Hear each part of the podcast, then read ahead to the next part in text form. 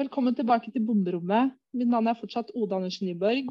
Eh, nå eh, et, godt år inn i korona med en, litt dårligere mikrofon. Gjennom en skjerm, dessverre. Men uansett en interessant gjest og et interessant tema, vil jeg nå tørre å påstå. Vi skal snakke Kina, vi skal snakke atomvåpen vi har invitert Henrik Stålane Kim. Han eh, er jo en smart fyr, da. Men han er jo også førsteamanuensis ved Institutt for forsvarsstudier. Og så er han tilknyttet NUPI som seniorforsker i forskningsgruppen for Russland, Asia og internasjonal handel. Så vi gleder oss veldig til å snakke med Henrik eh, om ja, hva, hva, er det egentlig, hva er greia til Kina, og hvor mange atomvåpen har de, og hva betyr det for verden egentlig.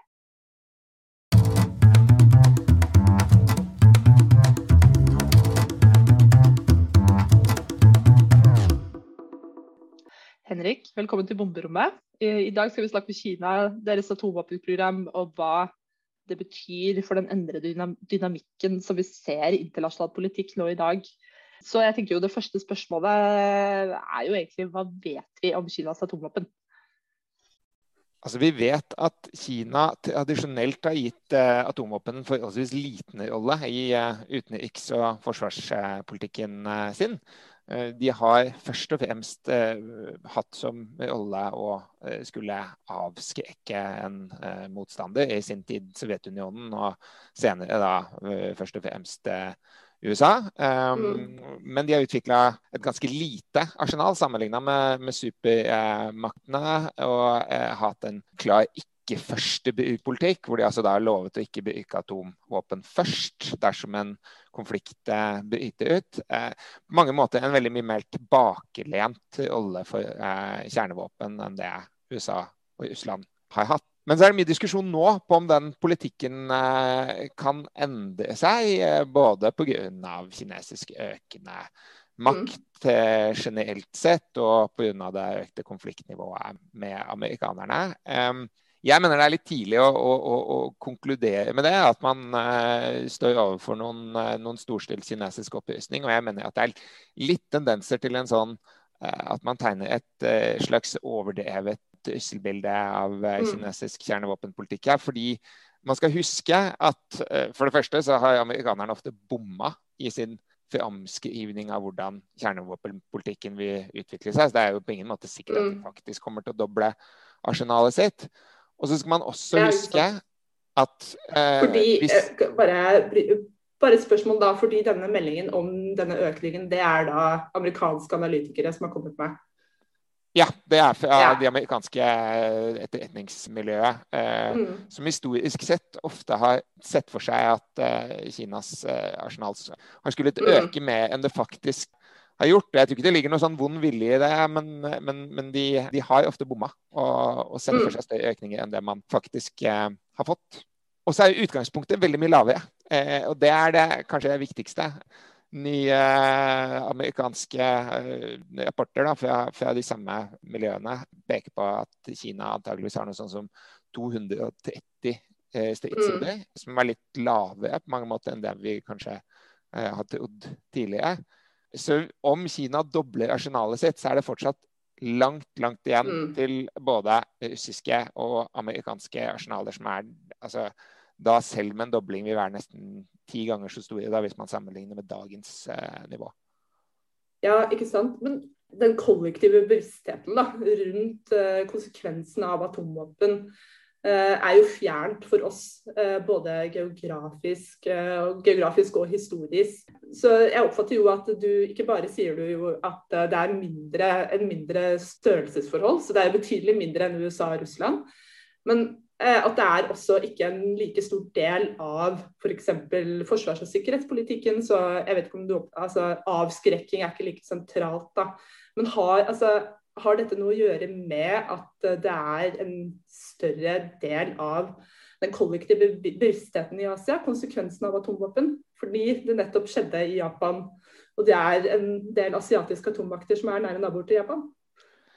I, I, Kinas tilfelle så tror jeg kanskje det først og fremst har med å gjøre at altså de var historisk gjenstand for eh, trusler om bruk av atomvåpen eh, fra mm. amerikansk side. Men, men også at de eh, ikke har hatt på en måte Det har ikke vært noen naturlig grunn til å, til å gi atomvåpen noen, noen større. Det de først og mm. fremst har vært bekymra for, har vært å bli utsatt for trusler eh, om bruk, eller faktisk bruk fra amerikansk side. Eh, mm. de har ikke vært redd for å bli invadert på, på, på, på, samme måte. Så eh, kjernevåpen eh, har blitt sett på liksom sånn fundamentalt som politiske våpen, ikke våpen som kan brukes i krig på noen mm. måte.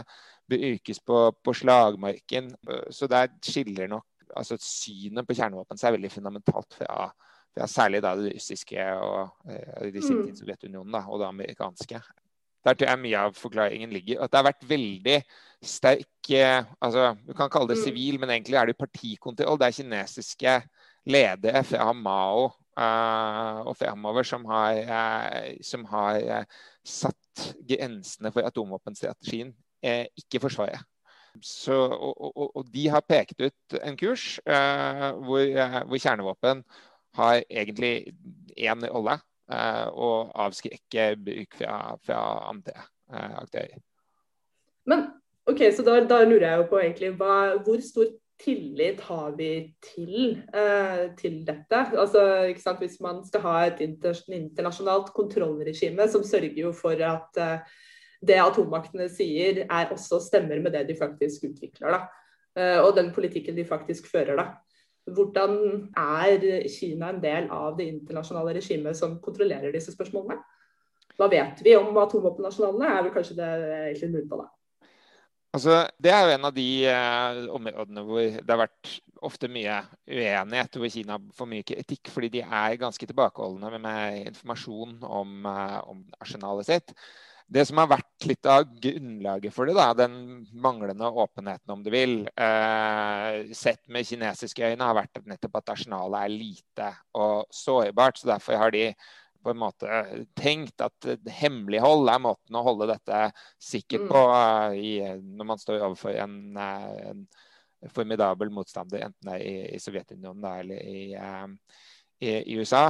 Eh, og det er fortsatt en ganske eh, sånn eh, sterk tilbakeholdenhet å snakke åpent om, om eh, kapasiteter fra, fra kineserne. Um, men det begynner jo altså, å, å, ta mer aktivt del i De har jo da eh, de siste tiårene begynt å ta aktivt del i, eh, i noen typer regimer.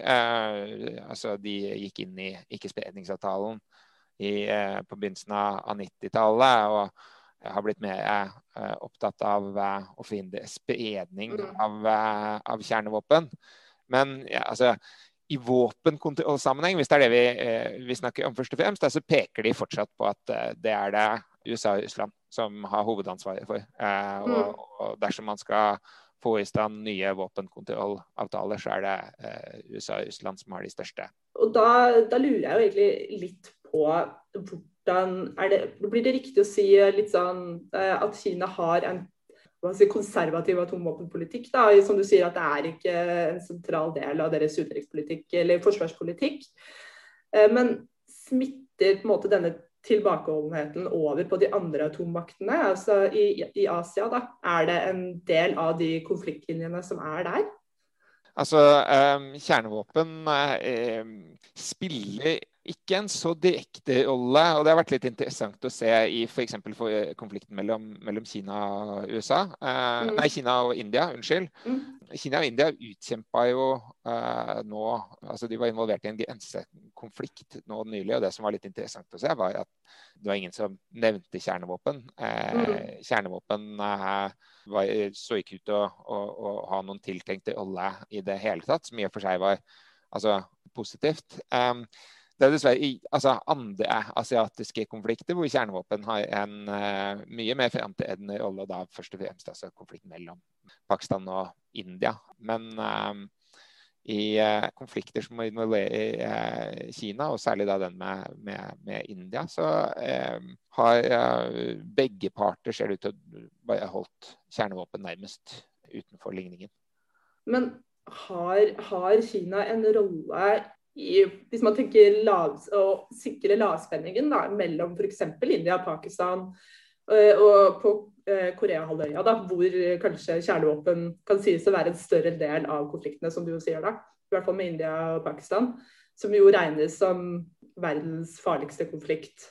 Eh, har Kina en rolle i å sikre lavspenning i disse to konfliktene konkret, da, som en sentral aktør i Asia, kan man si?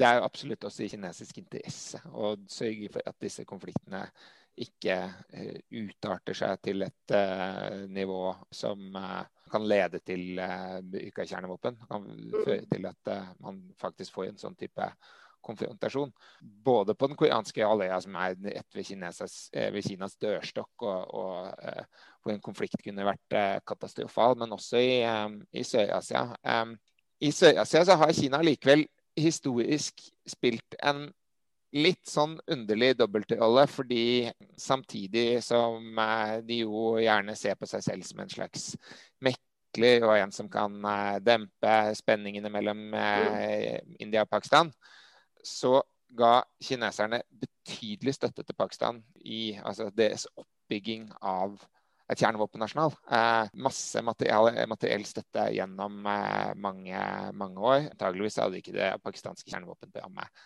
vært der det er i dag, uten all hjelpen de fikk fra, fra kineserne. Um, så, så, det er en litt sånn um, en slags sånn dobbelthet i, i uh, politikken kineserne fører på kjernevåpenområdet sånn generelt. På én måte så kan du godt si at de har, uh, hvis man kan bruke den type begrep om kjernevåpen, i det minste en mer ansvarlig kjernevåpenpolitikk enn det USA og Russland har hatt, med et mindre arsenal, lavere beredskap, en ikke-førstebrukspolitikk, som nevnt. Altså, og, og, og, hvor kjernevåpen bare har hatt én eneste rolle. Men samtidig så har man jo da, eh, i særlig sammenhengen eh, India-Pakistan, da, hjulpet en aktør til å bygge mm. opp et kjernevåpennasjonal, fordi man har liksom eh, ønsket å gi Pakistan en evne til å, til å stå imot eh, India. Som eh, nok mange ville eh, si kanskje ikke er fullt så ansvarlig. Eller USA og Russland spesielt ønsker jo nye diskusjoner om nedrustning. Eh, nedrustningsavtaler. Der ønsker de at Kina skal være en større del. Kan det, og det er jo ikke urimelig av Kina å si dere kan ikke kreve av oss å være med på det her når dere har det betydelige større antall atomvåpen. Men kan man tilby f.eks. et større innsyn. altså sånn At det kanskje ikke er de samme kravene som stilles til Kina, da, f.eks. Eh, som stilles til USA og Russland. At alle legger noe på bordet, samtidig som det ikke er urimelig at USA og Russland legger mer på bordet. da. Har det vært en del av diskusjonen fram til nå? Ikke så langt i offisielle fora, men eh, det pågår ganske mye diskusjon eh, om det der. Så det er et veldig interessant spørsmål. fordi mm. eh, altså, i, i eh, andre type kanaler og miljøer, da, eh, hvor man prøver å tenke høyt om altså, eh, hvordan kan man eventuelt få Kina og kanskje også andre med? Kan man se for seg f.eks. at man eh, setter et tak på antall kjernevåpen som ligger over det kinesiske, men på et eller annet vis eh, fører til at man kan få Kina med på verifikasjon eller, eller lignende så langt eh, altså, har man ikke tilsynelatende kommet noe, no, noe, vei med dette. Eh, kineserne har vært ganske avvisende. Og jeg tror nok at eh, en del av kravene som ble stilt, særlig av den forrige eh, mm. administrasjonen i USA, i realiteten kanskje var en måte å sabotere eh, våpenkontrollarbeid på ved å, ved å, peke på kineserne og, og si det må med før vi kan, kan få til noe som helst. Det var i hvert fall sånn det ble lest av veldig mange i, eh, mm, i, i mm. Kina. Men, men det, man skal ikke utelukke at det går an å tenke kreativt hvordan, om hvordan en ny avtale skal se ut. Det som samtidig skal sies, da, er at en sånn stor bøyg i eh, våpenkontrollarbeidet er at mm. det Kina antageligvis vil ønske seg mest av alt, og det er jo ikke urimelig å på en måte spørre om hva som er kinesisk interesse, det er restriksjoner på amerikanske missilforsvarssystemer. Det er noe av det de ser på som den største trusselen mot sitt eget kjernevåpennasjonal. Mm. Det er noe av det samme som Russland også har bedt om, men jeg tror den preferansen kanskje er enda sterkere hos kineserne, som har et mindre og mer sårbart arsenal. Og Der har problemet vært at det har amerikanerne egentlig signalisert at det er off-limits. Eh, noen for mm. som helst restriksjon på missilforsvarskapasiteter. Det er nok en av flere komplikasjoner man kan se når man skal ha diskusjoner om, uh, om våpenkontroll i uh, årene fremover.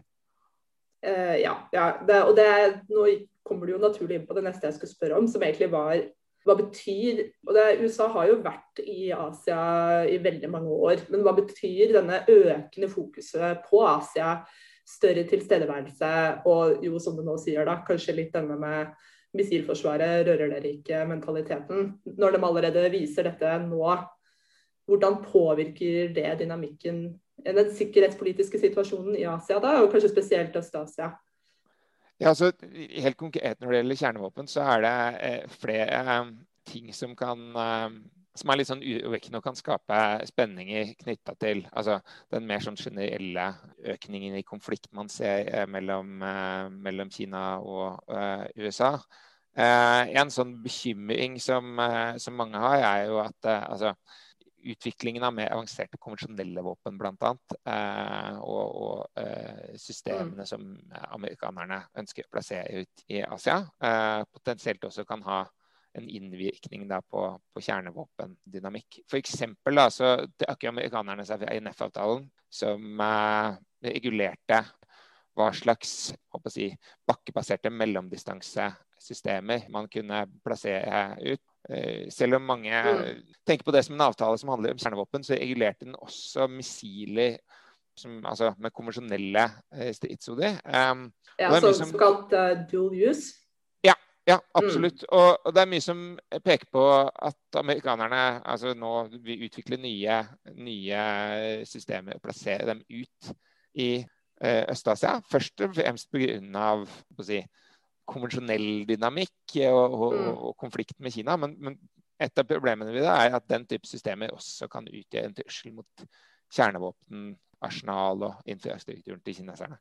Så, så um, denne spenningen man ser, da, er vel litt sånn større poeng jeg vil fram til. At uh, altså, den kan også få noen uheldige virkninger på kjernevåpen dynamikken. Mm. Selv om det kanskje ikke er det som er tilsikta i utgangspunktet. Selv om det ikke er dit man ønsker seg. Men når eh, konflikten blir mer eh, intens og, og, partene står tett på hverandre, så, så kan det føre til eh, en del økt risiko, da, også knytta mm. til kjernevåpen. Litt av poenget må jo være å kanskje ikke avslutte eh, podcast-episoden med bare enda en del av verden hvor som bare konfliktene og spenningene øker. Man jo, kan jo bli litt nervøs og litt svett for hvordan verden utvikler seg. Men hvordan er stemningen for å roe ned, for å avspenne og for å minske konfliktene som kanskje kan se ut til å utspille Eller de mange konfliktlinjene da, som utvikler seg nå? Altså, eh, Ikke for å være veldig pessimistisk, men altså, jeg tror utsiktene for at den fundamentale rivaliseringen man ser mellom Kina og USA mm. i, i Øst-Asia, for at den skal bedre seg med det aller første, er ikke, de er ikke veldig, den er ikke veldig god. Det er altså, Når man ser hvilken politikk som Biden-administrasjonen fører, så minner den ganske mye på, på, noen områder. Eh, det er forskjellige virkemidler og, og i, i retorikk for all del, men, men jeg mener eh, eh, ideen om at Kina er en framtidig rival og sikkerhetstrussel, den, eh, den, lever videre. Også mm. i den amerikanske administrasjonen. Og, og, og, på kinesisk side så er ikke holdningen noe særlig mer optimistisk, tror jeg.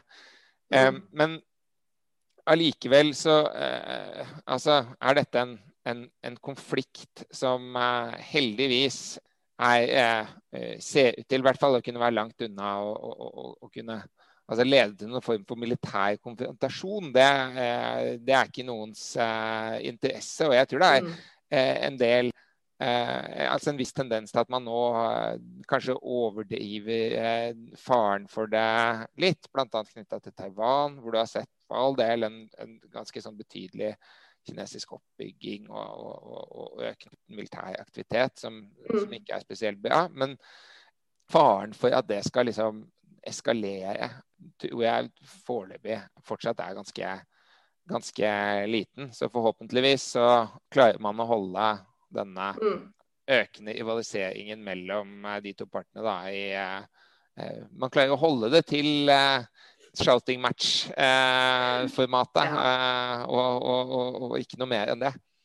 Nei, takk for at du eh, tok den utfordringen. Det var jo et veldig ledende spørsmål. tenkte jeg med en gang jeg hadde stilt deg. var litt sånn her, det her skal du få lov til å ende det på positiv note. I hvert fall litt positiv, ja.